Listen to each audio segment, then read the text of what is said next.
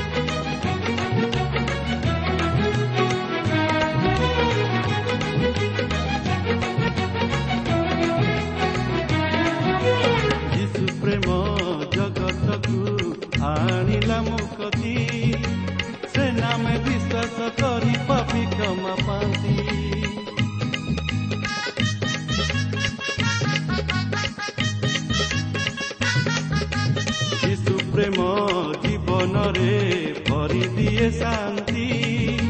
ସେ ନାମରେ ଦୂର ହୁଏ ସବୁ ଭୟ ଭ୍ରାନ୍ତି ଅନୁପମ ସେଇ ପ୍ରେମ ପ୍ରିୟତମ ସେଇ ନାମ। ଅନୁପମ ସେଇ ପ୍ରେମ ପ୍ରିୟତମ ସେଇ ନାମ। ସତତି ଯେ କାମର ସେଇ ନାମରେ ସେଇ ପ୍ରେମ। ପାଇଛି ମୁଁ ପାଇଛି ଯୀଶୁ ପ୍ରେମ। ଗାଉଛି ମୁଁ ଗାଉଛି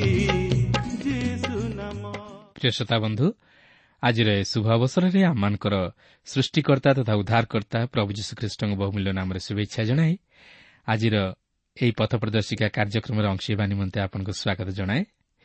ଆପଣ ଆପଣଙ୍କର ବହୁମୂଲ୍ୟ ସମୟ ଦେଇଥିବାରୁ ଆମେ ବିଶେଷ ଖୁସି କେବଳ ସେତିକି ନୁହେଁ ଆପଣ ପତ୍ର ମାଧ୍ୟମରେ ଥରକୁ ଥର ଆମ ସହ ଯୋଗାଯୋଗ କରୁଥିବାରୁ ଆମେ ମଧ୍ୟ ବିଶେଷ ଆନନ୍ଦିତ। ଆପଣଙ୍କର ପ୍ରାର୍ଥନାର ଅନୁରୋଧ ରକ୍ଷା କରି ଆମେ ମଧ୍ୟ ଆପଣଙ୍କ ନିମନ୍ତେ ପ୍ରାର୍ଥନା କରୁଅଛୁ ଆପଣଙ୍କ ପରିବାର ନିମନ୍ତେ ପ୍ରାର୍ଥନା କରୁଅଛୁ ଆଉ ସେ ପ୍ରଭୁ ସୁନିଶ୍ଚିତ ଭାବରେ ଆପଣଙ୍କର ପରିବାରକୁ ସୁରକ୍ଷା କରିବେ। ଆସନ୍ତାରେ ପ୍ରଭୁଙ୍କର ବାକ୍ୟ ମଧ୍ୟକୁ ଯିବା ପୂର୍ବରୁ ସଂକ୍ଷେପରେ ପ୍ରାର୍ଥନା କରିବା। ପ୍ରିୟ ପବିତ୍ର ପ୍ରଭୁ ଆମଙ୍କର ଜୀବିତ ଈଶ୍ୱର ଆମଙ୍କର ମୃତ୍ୟୁଞ୍ଜୟ ଈଶ୍ୱର ଆମଙ୍କର ପୁନରୁଦ୍ଧିତ ଈଶ୍ୱର ପ୍ରଭୁ ତୁମର ଧନ୍ୟବାଦ କରୁଅଛୁ। ତୁମର ଜୀବନ୍ତ ବାକ୍ୟ ପାଇଁ ପ୍ରଭୁ ତୁମର ବାକ୍ୟ ଆମମାନଙ୍କ ନିମନ୍ତେ ଶକ୍ତିଦାୟକ ସାନ୍ତ୍ୱନାଦାୟକ ଭରସାଦାୟକ ତେଣୁକରି ପବିତ୍ର ପ୍ରଭୁ ଏହି ସମୟରେ ତୁମର ବାକ୍ୟ ମଧ୍ୟ ଦେଇ ପ୍ରଭୁ ତୁମେ ଆମମାନଙ୍କ ସହିତ କଥା କୁହ। ପ୍ରତ୍ୟେକ ଶ୍ରୋତାବନ୍ଧୁମାନଙ୍କୁ ତୁମେ ଆଶୀର୍ବାଦ କର। ପ୍ରତ୍ୟେକଙ୍କର ମନୋବାଞ୍ଛା ତୁମେ ପୂର୍ଣ୍ଣ କର। ପ୍ରତ୍ୟେକଙ୍କୁ ଆତ୍ମିକ ଜୀବନରେ ବର୍ଦ୍ଧିଷ୍ଣୁ କରାଅ। ହଁ ପ୍ରଭୁ ଆଜି ମଧ୍ୟ ଯେଉଁମାନେ ତୁମଠାରୁ ସୁସ୍ଥତାର ଅପେକ୍ଷାରେ ଅଛନ୍ତି ପ୍ରଭୁ ତୁମେ ଦୟାକରି ସେମାନଙ୍କୁ ସୁସ୍ଥତା ଦିଅ। ଆଜି ଯେଉଁମାନେ ପ୍ରଭୁ ବିଦ୍ୟା ଅଧ୍ୟୟନରେ ସଫଳତା ଲାଭ କରିବା ପାଇଁ ଚାହାନ୍ତି ପ୍ରଭୁ ତୁମେ ସେମାନଙ୍କୁ ସଫଳତା ପ୍ରଦାନ କର। ପ୍ରତ୍ୟେକଙ୍କୁ ପ୍ରଭୁ ତୁମର ଆଶୀର୍ବାଦର ବାହୁଛା ତଳେ ଆବରି ରଖ। ଏହି ସମସ୍ତ ପ୍ରାର୍ଥନା ଆମମାନଙ୍କର ଉଦ୍ଧାରକର୍ତ୍ତା ଜୀବିତ ପୁନରୁଦ୍ଧିତ ପ୍ରିୟ ପ୍ରଭୁ ଯୀଶୁଙ୍କ ନାମରେ ଏ ଅଳ୍ପ ଭିକ୍ଷା ମାଗୁଅଛୁ। ଆମେନ୍।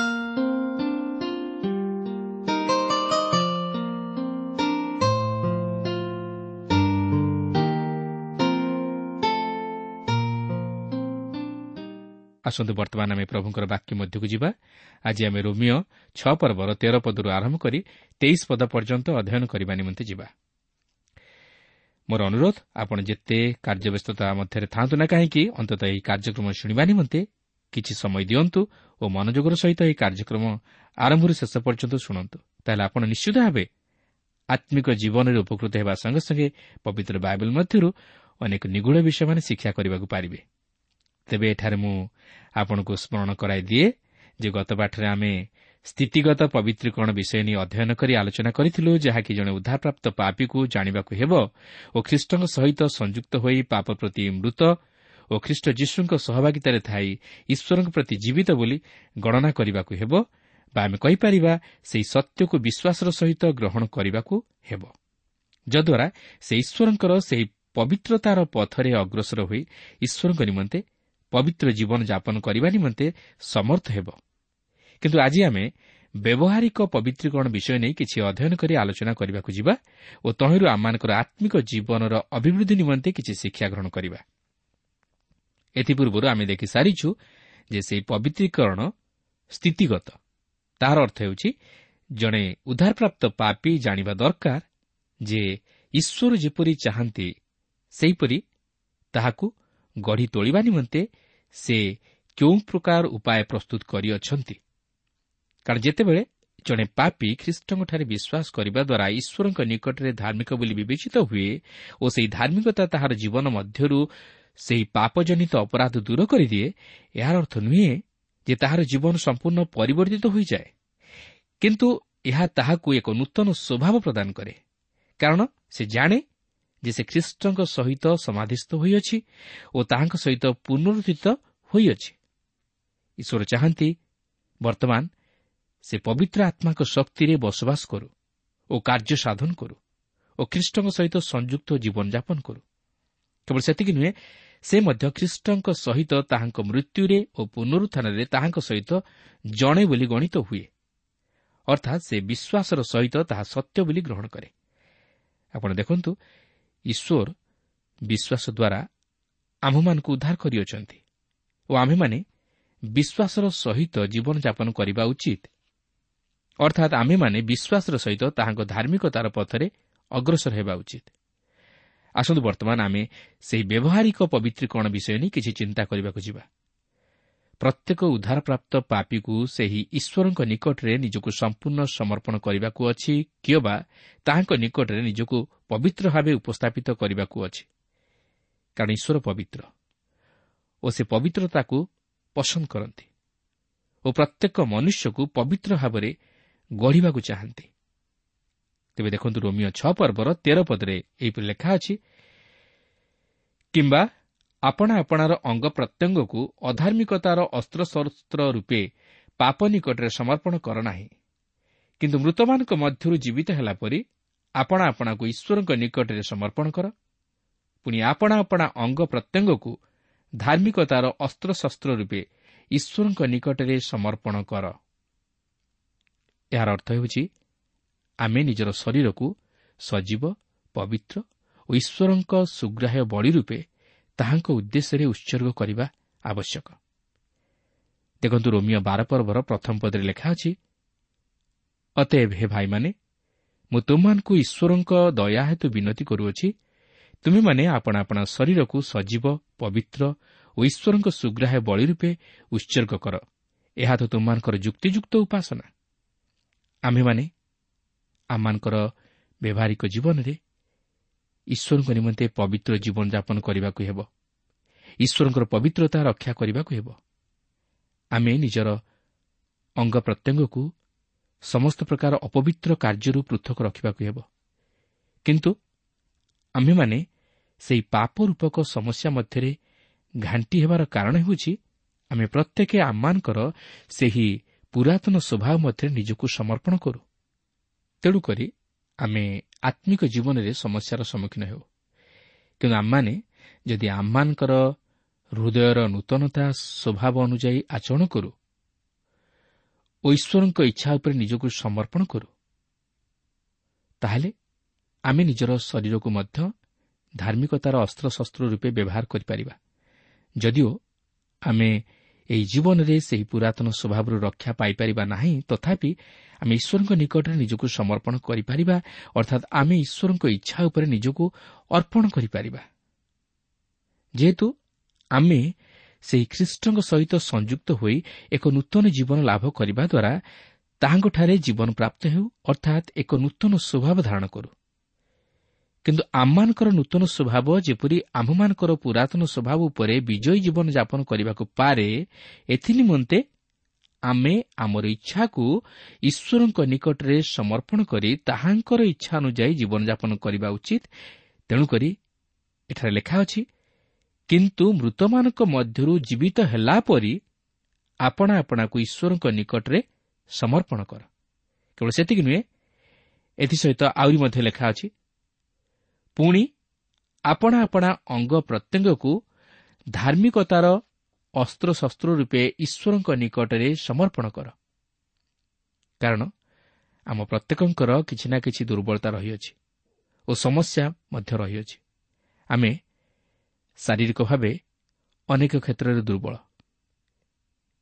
କିନ୍ତୁ ସେ ଯାହା ହେଉନା କାହିଁକି ଓ ଯେକୌଣସି ଦୁର୍ବଳତା ତଥା ସମସ୍ୟାର ବିଷୟ ଥାଉନା କାହିଁକି ଆମେ ସେହିସବୁକୁ ଈଶ୍ୱରଙ୍କ ନିକଟରେ ସମର୍ପଣ କରିବା ଉଚିତ। ଈଶ୍ୱରଙ୍କ ନିକଟରେ ତହିଁର ସମାଧାନ କରିବା ଉଚିତ। ନିଜର ଦୁର୍ବଳତା ସବୁକୁ ସ୍ୱୀକାର କରି ସେହି ନୂତନ ସ୍ୱଭାବରେ ଅନୁପ୍ରାଣିତ ହେବା ଉଚିତ। ହଁ ଏହା ଆପଣଙ୍କ ପକ୍ଷରେ ଅତି କଷ୍ଟକର ଅଥବା ଅସମ୍ଭବ ପରି ମନେ ହୋଇପାରେ। ସେହି ପୁରାତନ ସ୍ୱଭାବ ଉପରେ ବିଜୟୀ ଜୀବନ ଯାପନ କରିବା ଆପଣଙ୍କ ପକ୍ଷେ କଷ୍ଟକର ବୋଧ ହୋଇପାରେ। କିନ୍ତୁ ଆପଣ ସେହି ପବିତ୍ର ଆତ୍ମାଙ୍କ ଶକ୍ତିରେ ତହିଁ ଉପରେ ବିଜୟୀ ଜୀବନ ଯାପନ କରିବା ନିମନ୍ତେ ସମର୍ଥ ହୋଇପାରିବେ। ଆପଣ ସେହି ପ୍ରଭୁ ଯୀଶୁଖ୍ରୀଷ୍ଟଙ୍କ ସହିତ ସଂଯୁକ୍ତ ଜୀବନଯାପନ କଲେ ସେ ଆପଣଙ୍କ ଜୀବନରେ ପବିତ୍ର ଆତ୍ମାଙ୍କ ଦ୍ୱାରା ଶକ୍ତିର କାର୍ଯ୍ୟ ସାଧନ କରିବେ। ସେ ଆପଣଙ୍କୁ ଶକ୍ତି ଦେବେ ଓ ସେହି ସମସ୍ତ ପୁରାତନ ସ୍ୱଭାବ ଉପରେ ବିଜୟୀ ଜୀବନଯାପନ କରିବା ନିମନ୍ତେ ଶକ୍ତି ଦେବେ। ଫଳତଃ ଆପଣ ଈଶ୍ୱରଙ୍କ ନିମନ୍ତେ ଧାର୍ମିକତାର ଫଳ ଉତ୍ପନ୍ନ କରିପାରିବେ ଓ ପବିତ୍ର ଜୀବନଯାପନ କରିବା ନିମନ୍ତେ ସମର୍ଥ ହୋଇପାରିବେ। ରୋମିଓ ଛଅ ପର୍ବର ଚଉଦ ପଦରେ ଲେଖା ଅଛି କାରଣ ପାପ ତୁମାନଙ୍କ ଉପରେ କର୍ତ୍ତୃତ୍ୱ କରିବ ନାହିଁ ଜଣୁ ତୁମେମାନେ ବ୍ୟବସ୍ଥାର ଅଧୀନ ନୁହଁ ମାତ୍ର ଅନୁଗ୍ରହର ଅଧୀନ ଅଟ।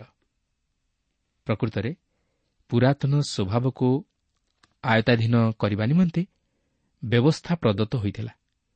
ତେଣୁ ଜଣେ ବିଶ୍ୱାସୀ ସ୍ୱରୂପେ ଆପଣ ପୁରାତନ ସ୍ୱଭାବରେ ପରିଚାଳିତ ହେବା ଉଚିତ ନୁହେଁ କାରଣ ଆପଣ ସେହି ଖ୍ରୀଷ୍ଟଙ୍କ ସହିତ ସଂଯୁକ୍ତ ହୋଇ ଏକ ନୂତନ ସ୍ୱଭାବ ଧାରଣ କରନ୍ତି ଓ ଆପଣ ନିଜକୁ ଈଶ୍ୱରଙ୍କ ଇଚ୍ଛା ଉପରେ ସମ୍ପୂର୍ଣ୍ଣ ସମର୍ପଣ କରିବାକୁ ହେବ ତାହେଲେ ସେ ଆପଣଙ୍କୁ ପବିତ୍ର ଜୀବନ ଯାପନ କରିବା ନିମନ୍ତେ ଶକ୍ତି ଦେବେ। କାରଣ ଆମ୍ଭେମାନେ ଆଉ ବ୍ୟବସ୍ଥାର ଅଧୀନରେ ନାହୁଁ ମାତ୍ର ଅନୁଗ୍ରହର ଅଧୀନରେ ଅଛୁ।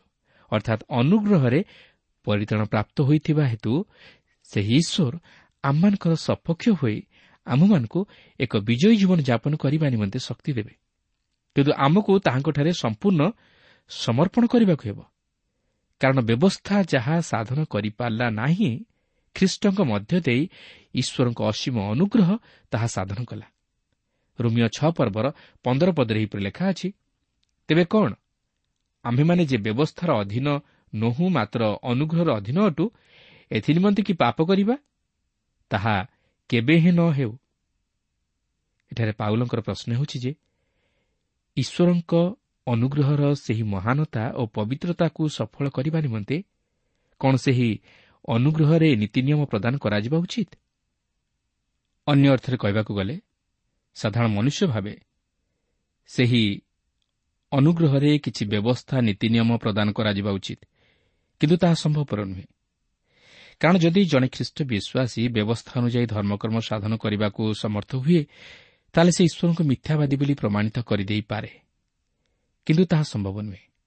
ଯେପର୍ଯ୍ୟନ୍ତ ସେ ତାହାର ଜୀବନରେ ଖ୍ରୀଷ୍ଟଙ୍କ ସହ ସଂଯୁକ୍ତ ହୋଇନାହିଁ ଓ ତାହାଙ୍କର ବାଧ୍ୟ ହୋଇନାହିଁ ଓ ତାହାଙ୍କର ଇଚ୍ଛା ଅନୁଯାୟୀ ଜୀବନଯାପନ କରିନାହିଁ ସେ ପର୍ଯ୍ୟନ୍ତ ସେ ନୀତିନିୟମ ଉପରେ ନିର୍ଭର କରି ସେହି ସମସ୍ତ ସଫଳ କରିପାରିବ ନାହିଁ। କାରଣ ଖ୍ରୀଷ୍ଟୀୟ ଜୀବନ କୌଣସି ନୀତିନିୟମକୁ ଅନୁକରଣ କରି ନୁହେଁ। ଆପଣ ନୀତିନିୟମକୁ ଅନୁକରଣ କରିପାରନ୍ତି ତଥାପି ଆପଣ ଖ୍ରୀଷ୍ଟୀୟ ଜୀବନ ଯାପନ କରିପାରିବେ ନାହିଁ। କାରଣ ଖ୍ରୀଷ୍ଟୀୟ ଜୀବନର ଅର୍ଥ ଖ୍ରୀଷ୍ଟ କୈନ୍ଦ୍ରିକ ଜୀବନ। ଖ୍ରୀଷ୍ଟ ଜୀବନ ହେଉଛି ଖ୍ରୀଷ୍ଟଙ୍କର ବାଧ୍ୟ ହେବା। ଏହାର ଅର୍ଥ ଖ୍ରୀଷ୍ଟଙ୍କ ସହିତ ଯୋଗାଯୋଗ ସ୍ଥାପନ କରିବା। ମୋର ପ୍ରିୟ ବନ୍ଧୁ ଆପଣ କ'ଣ ପ୍ରଭୁ ଯୀଶୁଖ୍ରୀଷ୍ଟଙ୍କୁ ପ୍ରକୃତିରେ ପ୍ରେମ କରନ୍ତି? ତାହା ହେଉଛି ଗୁରୁତ୍ୱପୂର୍ଣ୍ଣ ବିଷୟ। ପ୍ରଭୁ ଯୀଶୁ ମଧ୍ୟ ନିଜେ କହନ୍ତି ଯଦି ତୁମେମାନେ ମୋତେ ପ୍ରେମ କର ତାହେଲେ ତୁମେମାନେ ମୋହର ଆଜ୍ଞା ସବୁ ପାଳନ କରିବ। ତେବେ ଏଥିପୂର୍ବରୁ ଆମେ ଦେଖିସାରିଛୁ ଯେ ଖ୍ରୀଷ୍ଟଙ୍କ ସହିତ ପରିଚୟକରଣ ହେଉଛି ସ୍ଥିତିଗତ ପବିତ୍ରୀକରଣ। ଆଉ ତାହା ହିଁ ହେଉଛି ମାନଦଣ୍ଡ। ମାତ୍ର ଖ୍ରୀଷ୍ଟଙ୍କ ପ୍ରତି ବାଧ୍ୟତା ପବିତ୍ରୀକରଣର ଅନୁଭୂତିକୁ ପ୍ରକାଶ କରେ। ଆଉ ତାହା ହେଉଛି ବ୍ୟବହାରିକ ପବିତ୍ରୀକରଣ। ମୋର ପ୍ରିୟ ବନ୍ଧୁ ଏହା ଅତି ସହଜ।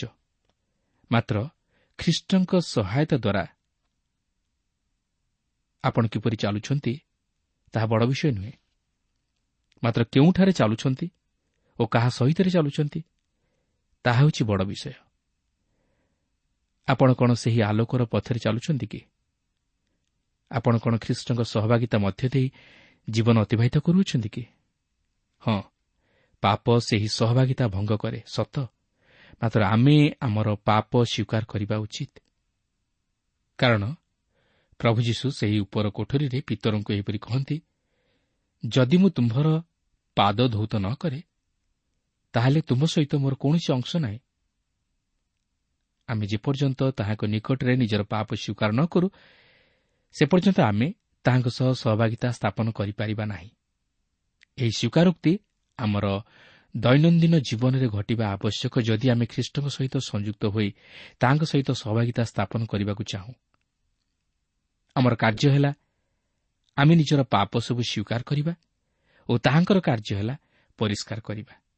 ସେଥିପାଇଁ ପ୍ରଥମ ଯୌନ ପ୍ରଥମ ପର୍ବର ନଅ ପଦରେ ଲେଖା ଅଛି ଯଦି ଆମ୍ଭେମାନେ ଆପଣା ଆପଣା ପାପ ସ୍ୱୀକାର କରୁ ତେବେ ସେ ଆମମାନଙ୍କର ପାପ କ୍ଷମା କରିବାକୁ ଓ ସମସ୍ତ ଅଧର୍ମରୁ ଆମମାନଙ୍କୁ ପରିଷ୍କାର କରିବାକୁ ବିଶ୍ୱସ୍ତ ଓ ନ୍ୟାୟବାନ ଅଟନ୍ତି।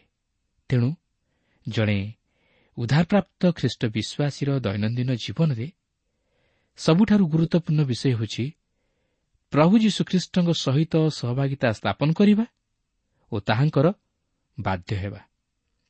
ତାହେଲେ ଆମେ ଏକ ବାସ୍ତବ ଖ୍ରୀଷ୍ଟୀୟ ଜୀବନଯାପନ କରିପାରିବା ବା କରିବା ନିମନ୍ତେ ସମର୍ଥ ହୋଇପାରିବା। ଏହା ହିଁ ହେଉଛି ବ୍ୟବହାରିକ ପବିତ୍ରୀକରଣ। ରୋମିଓ ଛଅ ପର୍ବର ଷୋହଳ ପଦରେ ଲେଖା ଅଛି ମୃତ୍ୟୁଜନକ ପାପ କିମ୍ବା ଧାର୍ମିକତାଜନକ ଆଜ୍ଞାବହତା ଏହା ମଧ୍ୟରୁ ଯାହା ନିକଟରେ ତୁମ୍ଭେମାନେ ଆଜ୍ଞାବହ ହେବା ନିମନ୍ତେ ଆପଣା ଆପଣାକୁ ଦାସ ରୂପେ ସମର୍ପଣ କର ଅର୍ଥାତ୍ ଯାହାର ଆଜ୍ଞା ପାଳନ କର ତାହାର ଯେ ତୁମେମାନେ ଦାସ ଅଟ ଏହା କ'ଣ ଜାଣ ନାହିଁ? ପାଉଲ ଏଠାରେ କହିବାକୁ ଚାହାନ୍ତି ଆମେ ଯଦି ପାପକୁ ମାନ୍ୟ କରୁ ତାହେଲେ ଆମେ ପାପର ଦାସ ହେଉ। କିନ୍ତୁ ଯଦି ଆମେ ଧାର୍ମିକତାର ଆଜ୍ଞାବହ ହେଉ ତାହେଲେ ଆମେ ଖ୍ରୀଷ୍ଟଙ୍କୁ ମାନ୍ୟ କରୁ ଓ ଖ୍ରୀଷ୍ଟ ଆମମାନଙ୍କର ଗୁରୁ। କିନ୍ତୁ ଯଦି ଆମେ ପାପକୁ ଭଲ ପାଉ ଓ ତାହାକୁ ମାନ୍ୟ କରୁ ତାହେଲେ ପାପ ଆମମାନଙ୍କର ଗୁରୁ। ଯଦି ଆମେ ପାପକୁ ପ୍ରେମ କରି ପାପରେ ଜୀବନ ଅତିବାହିତ କରୁ ତାହେଲେ ଆମେ ଖ୍ରୀଷ୍ଟଙ୍କୁ ନିଜର ପ୍ରଭୁ ବା ଗୁରୁ ବୋଲି କହିବା ଠିକ୍ ହେବ ନାହିଁ। କାରଣ ସେ ଆମମାନଙ୍କୁ ସ୍ୱାଧୀନତାର ସ୍ଥାନକୁ କଢ଼ାଇ ଆଣନ୍ତି। ମାତ୍ର ପାପରେ ଛାଡ଼ି ଦିଅନ୍ତି ନାହିଁ। ସେଥିପାଇଁ ଜୋହନ ଆଠ ପର୍ବର ଛତିଶ ପଦରେ ଲେଖା ଅଛି ଅତଏବ ପୁତ୍ର ଯଦି ତୁମମାନଙ୍କୁ ମୁକ୍ତ କରିବେ ତାହେଲେ ତୁମେମାନେ ପ୍ରକୃତରେ ମୁକ୍ତ ହେବ। ଆମେ କ'ଣ କରିବା ପାଇଁ ମୁକ୍ତ ହେବା? ଆମେ ତାହାଙ୍କ ନିମନ୍ତେ ବଞ୍ଚିବା ପାଇଁ ମୁକ୍ତ ହେବା। ତାହାଙ୍କର ବାଧ୍ୟ ହେବା ପାଇଁ ମୁକ୍ତ ହେବା। ପ୍ରଭୁ ଯୀଶୁ ମଧ୍ୟ ଏହିପରି କହନ୍ତି ଯାହାକି ଜୋହନ ଆଠ ପର୍ବର ଚଉତିରିଶ ପଦରେ ଲେଖା ଅଛି ଯୀଶୁ ସେମାନଙ୍କୁ ଉତ୍ତର ଦେଲେ ସତ୍ୟ ସତ୍ୟ ମୁଁ ତୁମମାନଙ୍କୁ କହୁଅଛି ଯେ କେହି ପାପ କରେ ସେ ପାପର ଦାସ। କିନ୍ତୁ ବର୍ତ୍ତମାନ ପ୍ରଶ୍ନ ହେଉଛି ଖ୍ରୀଷ୍ଟ କ'ଣ ପ୍ରକୃତିରେ ଆପଣଙ୍କର ପ୍ରଭୁ? ହଁ ଆପଣ ନରହତ୍ୟା କରି ନ ପାରନ୍ତି। ବା ମିଛ କହି ନ ପାରନ୍ତି କିମ୍ବା ଅନ୍ୟାନ୍ୟ କୌଣସି ଅପରାଧ କରି ନ ଥାଇପାରନ୍ତି ମାତ୍ର ଏହାର ଅର୍ଥ ନୁହେଁ ଯେ ଆପଣ ଏକ ଖ୍ରୀଷ୍ଟୀୟ ଜୀବନଯାପନ କରୁଅଛନ୍ତି। ହଁ ଆପଣ ଏକ ଉତ୍ତମ ଜୀବନଯାପନ କରୁଥାଇପାରନ୍ତି କିନ୍ତୁ ଏହାଦ୍ୱାରା ଆପଣ ଉଦ୍ଧାର ପାଇପାରିବେ ନାହିଁ କି ଖ୍ରୀଷ୍ଟଙ୍କର ହୋଇପାରିବେ ନାହିଁ। ମାତ୍ର ଆପଣଙ୍କୁ ଖ୍ରୀଷ୍ଟଙ୍କର ହେବାକୁ ହେଲେ ଖ୍ରୀଷ୍ଟଙ୍କୁ ଗ୍ରହଣ କରି ତାହାଙ୍କ ସହ ସହଭାଗିତା ସ୍ଥାପନ କରିବାକୁ ହେବ ଓ ତାହାଙ୍କର ବାଧ୍ୟ ହେବାକୁ ହେବ। ଏହାପରେ ଛଅ ପର୍ବର ସତର ଅଠର ପଦରେ ଲେଖା ଅଛି କିନ୍ତୁ ଈଶ୍ୱରଙ୍କର ଧନ୍ୟବାଦ ହେଉ ଯେ ତୁମ୍ଭେମାନେ ଯେଉଁମାନେ କି ପୂର୍ବରେ ପାପର ଦାସ ଥିଲ ଏବେ ଯେଉଁ ଶିକ୍ଷାର ଆଦର୍ଶ ନିକଟରେ ସମର୍ପିତ ହୋଇଅଛ ହୃଦୟ ସହ ସେଥିର ଆଜ୍ଞାବହ ହୋଇଅଛ ପୁଣି ପାପରୁ ମୁକ୍ତ ହୋଇ ଧାର୍ମିକତାର ଦାସ ହୋଇଅଛ।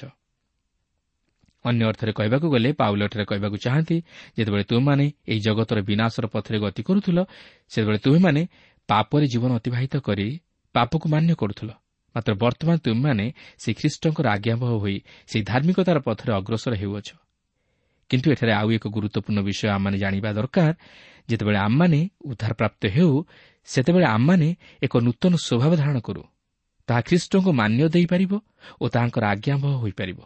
କିନ୍ତୁ ପାଉଲ ତାହାଙ୍କର ଅନୁଭୂତି ମଧ୍ୟ ଦେଇ ଏହିପରି ପ୍ରକାଶ କରନ୍ତି ଯାହାକି ଆମେ ପରବର୍ତ୍ତୀ ଅଧ୍ୟାୟରେ ଲକ୍ଷ୍ୟ କରିବାକୁ ପାରିବା ଯେ ଆମେ ସେହି ନୂତନ ସ୍ୱଭାବ ଧାରଣ କଲେ ମଧ୍ୟ ଆମମାନଙ୍କ ମଧ୍ୟରେ ସେହି ପୁରାତନ ସ୍ୱଭାବ ରହିଥାଏ ଯାହାର କି କୌଣସି ଉତ୍ତମତା ନାହିଁ। ସେଥିପାଇଁ ପ୍ରେରିତ ପାଉଲ ରୋମିଓ ସାତ ପର୍ବର ଅଠର ପଦରେ ଏହିପରି ପ୍ରକାଶ କରନ୍ତି କାରଣ ମୋଠାରେ ଅର୍ଥାତ୍ ମୋ ଶରୀରରେ ଯେ କୌଣସି ଉତ୍ତମ ବିଷୟ ବାସ କରେ ନାହିଁ ଏହା ମୁଁ ଜାଣେ।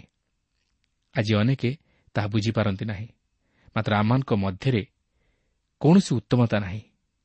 କାରଣ ସେହି ପୁରାତନ ସ୍ୱଭାବ ମଧ୍ୟରେ କୌଣସି ଉତ୍ତମତା ନାହିଁ। ମାତ୍ର ଖ୍ରୀଷ୍ଟଙ୍କ ଦ୍ୱାରା ହିଁ ଏହା ସମ୍ଭବ। ଦ୍ୱିତୀୟତଃ ଆମମାନଙ୍କର ସେହି ନୂତନ ସ୍ୱଭାବରେ କୌଣସି ଶକ୍ତି ନାହିଁ। ଆମେ ନିଜ ଶକ୍ତିରେ କିଛି କରିପାରିବା ନାହିଁ। ମାତ୍ର ଏଥିନିମନ୍ତେ ପବିତ୍ର ଆତ୍ମାଙ୍କର ଶକ୍ତି ଆବଶ୍ୟକ। କାରଣ କେବଳ ପବିତ୍ର ଆତ୍ମା ହିଁ ସେହି ଖ୍ରୀଷ୍ଟୀୟ ଜୀବନ ପ୍ରଦାନ କରନ୍ତି ଯାହାକି ଆମେ ପରେ ଲକ୍ଷ୍ୟ କରିବାକୁ ପାରିବା। ଏହାପରେ ଛଅ ପର୍ବର ଉଣେଇଶ ପଦରେ ଲେଖା ଅଛି ତୁମମାନଙ୍କ ମାନବୀୟ ଦୁର୍ବଳତା ହେତୁ ମୁଁ ମନୁଷ୍ୟ ଭାବରେ କହୁଅଛି ତୁମେମାନେ ଯେପରି ଅଧର୍ମ ନିମନ୍ତେ ଆପଣା ଆପଣା ଅଙ୍ଗ ପ୍ରତ୍ୟଙ୍ଗକୁ ଅସୁଚିତା ଓ ଅଧର୍ମ ନିକଟରେ ଦାସ ରୂପେ ସମର୍ପଣ କରିଥିଲ ସେହିପରି ଏବେ ଆପଣା ଆପଣା ଅଙ୍ଗ ପ୍ରତ୍ୟଙ୍ଗକୁ ପବିତ୍ରତା ନିମନ୍ତେ ଧାର୍ମିକତା ନିକଟରେ ଦାସ ରୂପେ ସମର୍ପଣ କର। ପ୍ରିୟ ବନ୍ଧୁ ଯଦି ଆମେ ଈଶ୍ୱରଙ୍କ ପବିତ୍ରତା ରକ୍ଷା କରିବାକୁ ଚାହୁଁ ତାହେଲେ ଆମମାନଙ୍କୁ ପାପରୁ ଦୂରବର୍ତ୍ତୀ ଜୀବନଯାପନ କରି ଖ୍ରୀଷ୍ଟଙ୍କ ସହ ସଂଯୁକ୍ତ ଜୀବନଯାପନ କରିବାକୁ ହେବ ଓ ଖ୍ରୀଷ୍ଟଙ୍କ ନିକଟରେ ନିଜକୁ ସମ୍ପୂର୍ଣ୍ଣ ସମର୍ପଣ କରିବାକୁ ହେବ। ଏହାପରେ ଛଅ ପର୍ବର କୋଡ଼ିଏରୁ ତେଇଶ ପଦ ମଧ୍ୟ ଲେଖା ଅଛି। କାରଣ ତୁମ୍ଭେମାନେ ପାପର ଦାସ ଥିବା ସମୟରେ ଧାର୍ମିକତା ସମ୍ବନ୍ଧରେ ସ୍ୱାଧୀନ ଥିଲ। ତେବେ ସେହି ସମୟରେ ତୁମମାନଙ୍କର କି ଫଳ ଥିଲା? ଯେ ସମସ୍ତ ବିଷୟରେ ତୁମେମାନେ ଏବେ ଲଜ୍ଜାବୋଧ କରୁଅଛ କେବଳ ସେତିକି ମାତ୍ର। ସେହି ସମସ୍ତର ପରିଣାମ ତ ମୃତ୍ୟୁ କିନ୍ତୁ ଏବେ ପାପର ଅଧୀନତାରୁ ମୁକ୍ତ ହୋଇ ଈଶ୍ୱରଙ୍କ ଦାସ ହେବାରୁ ତୁମେମାନେ ପବିତ୍ରତା ଉଦ୍ଦେଶ୍ୟରେ ଫଳ ପାଉଅଛ। ଆଉ ଏଥିର ପରିଣାମ ଅନନ୍ତ ଜୀବନ କାରଣ ପାପର ବେତନ ମୃତ୍ୟୁ କିନ୍ତୁ ଈଶ୍ୱରଙ୍କ ଅନୁଗ୍ରହ ଦାନ ଆମ୍ଭମାନଙ୍କ ପ୍ରଭୁ ଖ୍ରୀଷ୍ଟ ଯୀଶୁଙ୍କ ସହଭାଗିତାରେ ଅନନ୍ତ ଜୀବନ ଅଟେ। ଏଠାରେ ପ୍ରେରିତ ପାଉଲ ଦର୍ଶାଇବାକୁ ଚାହାନ୍ତି ଯେ ପାପର ଫଳ ହେଉଛି ଅନନ୍ତ ମୃତ୍ୟୁ। ମାତ୍ର ସେମାନେ ଈଶ୍ୱରଙ୍କ ଦାସ ହେବା ଦ୍ୱାରା ସେହି ଅନନ୍ତ ଜୀବନର ଅଧିକାରୀ ହେବେ। ମନୁଷ୍ୟ ଯେପର୍ଯ୍ୟନ୍ତ ପାପର ଦାସତ୍ୱରେ ଥାଏ ସେ ପର୍ଯ୍ୟନ୍ତ ସେ ଖ୍ରୀଷ୍ଟଙ୍କର ଦାସ ହୋଇପାରେ ନାହିଁ। କି ସେହି ଧାର୍ମିକତାର ଫଳ ଧାରଣ କରିପାରେ ନାହିଁ ଓ ସେ ଅନନ୍ତ ମୃତ୍ୟୁର ସମ୍ମୁଖୀନ ହୁଏ। ମାତ୍ର ଯେଉଁ ସମୟରେ ସେ ଖ୍ରୀଷ୍ଟଙ୍କଠାରେ ସଂଯୁକ୍ତ ହୋଇ ଖ୍ରୀଷ୍ଟଙ୍କୁ ନିଜର ପ୍ରଭୁ ବୋଲି ସ୍ୱୀକାର କରି ତାହାଙ୍କର ବାଧ୍ୟ ହୁଏ ସେତେବେଳେ ସେ ଈଶ୍ୱରଙ୍କ ଦାସ ରୂପେ ପରିଗଣିତ ହେବାରୁ ସେହି ଧାର୍ମିକତାର ଫଳ ଉତ୍ପନ୍ନ କରେ ଓ ସେ ଅନନ୍ତ ଜୀବନରେ ପ୍ରବେଶ କରେ। ଛଅ ପର୍ବର ତେଇଶ ପଦରେ ଆମେ ଦେଖୁ ଲେଖା ଅଛି ଯେ କାରଣ ପାପର ବେତନ ମୃତ୍ୟୁ କିନ୍ତୁ ଈଶ୍ୱରଙ୍କ ଅନୁଗ୍ରହଦାନ ଆମମାନଙ୍କ ପ୍ରଭୁ ଖ୍ରୀଷ୍ଟ ଯୀଶୁଙ୍କ ସହଭାଗିତାରେ ଅନନ୍ତ ଜୀବନ ଅଟେ। ଖ୍ରୀଷ୍ଟଙ୍କ ସହିତ ସହଭାଗିତାର ଜୀବନ ହେଉଛି ସବୁଠାରୁ ଗୁରୁତ୍ୱପୂର୍ଣ୍ଣ ବିଷୟ ଯାହାକି ଈଶ୍ୱରଙ୍କର ସେହି ଧାର୍ମିକତାର ଫଳ ଧାରଣ କରିବା ନିମନ୍ତେ ବିଶେଷ ସହାୟକ ହୋଇଥାଏ। ଏହା ଆମମାନଙ୍କର ଦୈନନ୍ଦିନ ଜୀବନରେ ପରିଲକ୍ଷିତ ହେବା ଆବଶ୍ୟକ। ଯଦି ଜଣେ ଖ୍ରୀଷ୍ଟ ବିଶ୍ୱାସୀର ଜୀବନରେ ଖ୍ରୀଷ୍ଟ ନାହାନ୍ତି ତାହେଲେ ସେ ବାସ୍ତବରେ ସେହି ଧାର୍ମିକତାର ପଥରେ ଅଗ୍ରସର ହୋଇପାରିବ ନାହିଁ କି ଫଳ ଫଳିପାରିବ ନାହିଁ। କାରଣ ତାହାର ମଧ୍ୟରେ ଥିବା ପୁରାତନ ସ୍ୱଭାବ ତାହାକୁ ତାହା ସାଧନ କରିବା ନିମନ୍ତେ ସୁଯୋଗ ଦେବ ନାହିଁ। ତେଣୁ ଜଣେ ଖ୍ରୀଷ୍ଟ ବିଶ୍ୱାସୀର ଜୀବନରେ ବ୍ୟବହାରିକ ପବିତ୍ରୀକରଣ ସାଧିତ ହେବା ନିତାନ୍ତ ପ୍ରୟୋଜନ। ଆଉ ତାହା ଖ୍ରୀଷ୍ଟଙ୍କର ବାଧ୍ୟ ହୋଇ ତାହାଙ୍କ ସହ ସହଭାଗିତା ସ୍ଥାପନ କରିବା ଦ୍ୱାରା ସାଧିତ ହୋଇପାରିବ ଓ ସେ ପବିତ୍ର ଆତ୍ମାଙ୍କ ଶକ୍ତିରେ ସେହି ପୁରାତନ ସ୍ୱଭାବ ଉପରେ ବିଜୟୀ ଜୀବନ କାଟି ଧାର୍ମିକତାର ଫଳ ଉତ୍ପନ୍ନ କରିପାରିବ। ଖ୍ରୀଷ୍ଟୀୟ ଜୀବନ ଏକ ସ୍ୱାଧୀନତାର ଜୀବନ ମାତ୍ର ଦାସତ୍ୱର ଜୀବନ ନୁହେଁ। ଆମେ ବିଶ୍ୱାସରେ ଉଦ୍ଧାରପ୍ରାପ୍ତ ହେଉ ଓ ବିଶ୍ୱାସରେ ଜୀବନଯାପନ କରୁ। ପ୍ରଭୁ ପ୍ରତ୍ୟେକଙ୍କୁ ଏହି ସଂକ୍ଷିପ୍ତ ଆଲୋଚନା ମଧ୍ୟ ଦେଇ ଆଶୀର୍ବାଦ କରନ୍ତୁ। ଅନୁପମ ସେଇ ପ୍ରେମ ପ୍ରିୟତମ ସେଇ ନାମ। ଅନୁପମ ସେଇ ପ୍ରେମ ପ୍ରିୟତମ ସେଇ ନାମ। ସତତି ଯେ ଏକ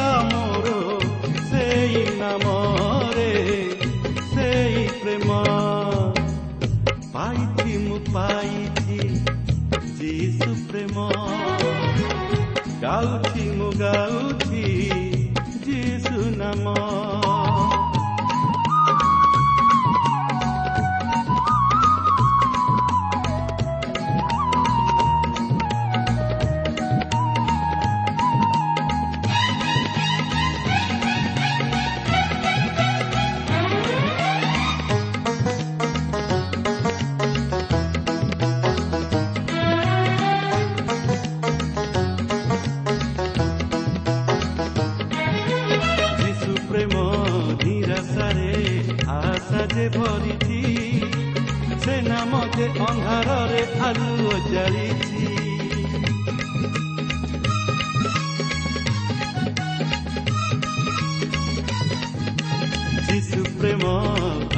ଦୃଢ଼ତା ବା ମାପିଛି ସେ ନାମରେ ଭାବ ଅଛି କିଏ ବା ଜାଣିଛି? ଅନୁପମ ସେଇ ପ୍ରେମ ପ୍ରିୟତମ ସେଇ ନାମ। ଅନୁପମ ସେଇ ପ୍ରେମ ପ୍ରିୟତମ ସେଇ ନାମ। ଭରସା ଯେ କାମ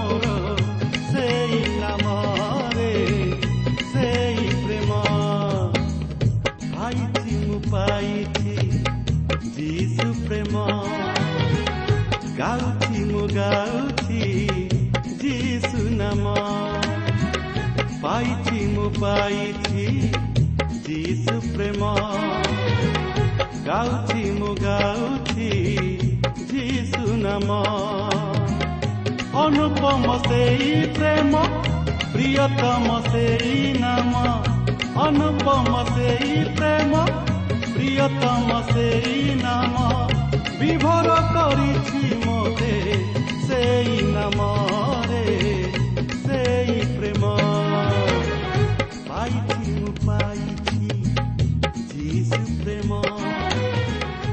ପ୍ରିୟ ଶ୍ରୋତା ଆପଣ ଈଶ୍ୱରଙ୍କ ବାକ୍ୟ ଶୁଣିବା ନିମନ୍ତେ ସମୟ ଦେଇଥିବାରୁ ଆମେ ଧନ୍ୟବାଦୀ।